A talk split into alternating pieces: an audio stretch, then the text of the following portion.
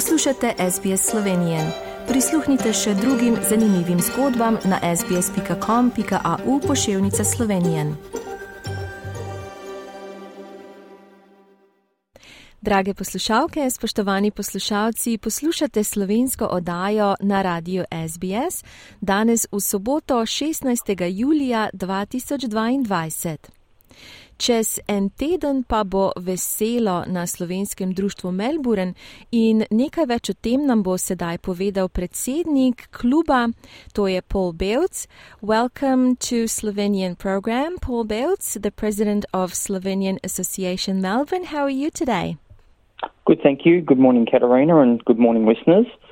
Um, great to be with you. So, what's going to be happening next weekend? So, the 23rd of July in the afternoon.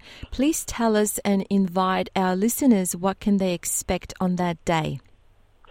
Well, on the day we are kicking off at uh, 4 p.m. Uh, to celebrate our um, part of uh, Slovenia Statehood Day. Um, like all the other clubs, they've spread it out over the last couple of weeks. Um, so we are the last one to celebrate. We will have guests such as um, the Slovenian ambassador, uh, the honorary consul, and invited uh, dignitaries, uh, presidents from the other clubs, um, and honorary members. Um, like I said, we'll be kicking off about four o'clock.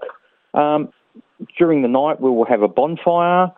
We will have music. Um, a Slovenian band will be playing. Um, I think it's Melodia. Um, we will also have um, food available for purchase, and we will just be celebrating a really good night. We are all looking forward to that. And where can people book, and through who can they book to make sure that they uh, are not left hungry? Um, you can go straight to our Facebook page, uh, Slovenian Club Melbourne. Um, you can book through Natasha or Francis um, both of them will lead you through to uh, the bookings. It is quite, it is filling up quite um, uh, quickly. Um, we have so far we have a very good crowd um, coming, so please feel free to come on the night. We have a few presentations, awards. Um, like I said, we have some special guests, so it'll be great to see everybody there. And if it's anything like the last one we had, it will uh, fade into the wee hours of the morning.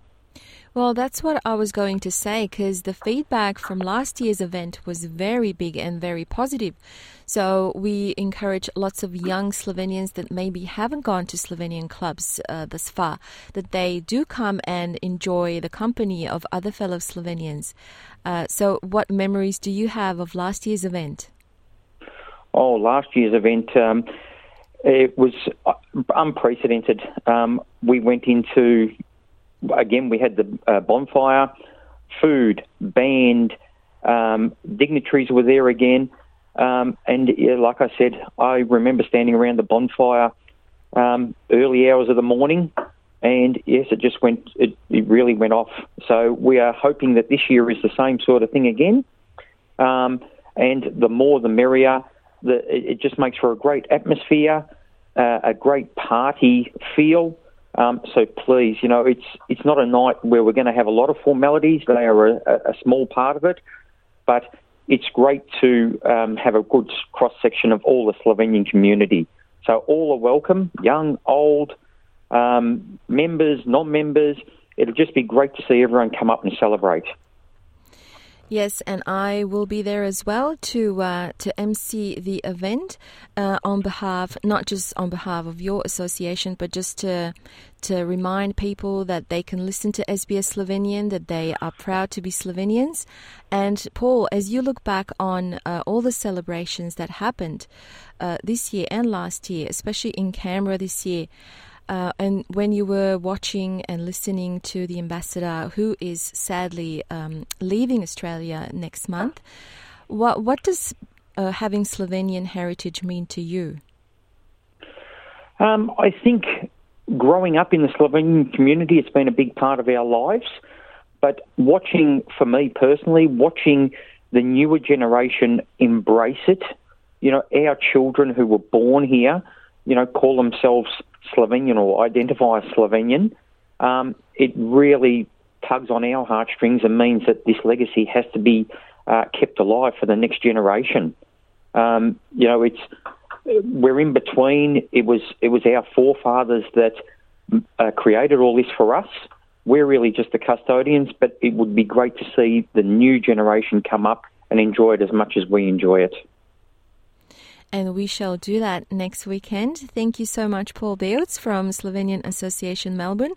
Še enkrat najlepša hvala za ta pogovor uh, in vse povabiva naslednjo soboto, 23. julija ob 4. popovdne v Eltham ali sedaj tudi rečemo Research. Well, what's the suburb? I'm a bit confused. Is it Eltham or Research? It actually is uh, Research we're in, but you know our next door neighbour the biggest. Uh, um, location is Eltham, but we are actually research. Ingram's Road Research. Tako. In še enkrat se ti najlepše zahvaljujem, Paul Bevc, predsednik slovenskega društva Melbourne in se vidimo naslednjo soboto. Thank you so much and I'll see you next Saturday. All right, thank you for your time and thank you for having me on. Želite slišati sorodne zgodbe? Prisluhnite jim preko Apple ali Google podcasta, preko aplikacije Spotify ali kjerkoli drugje.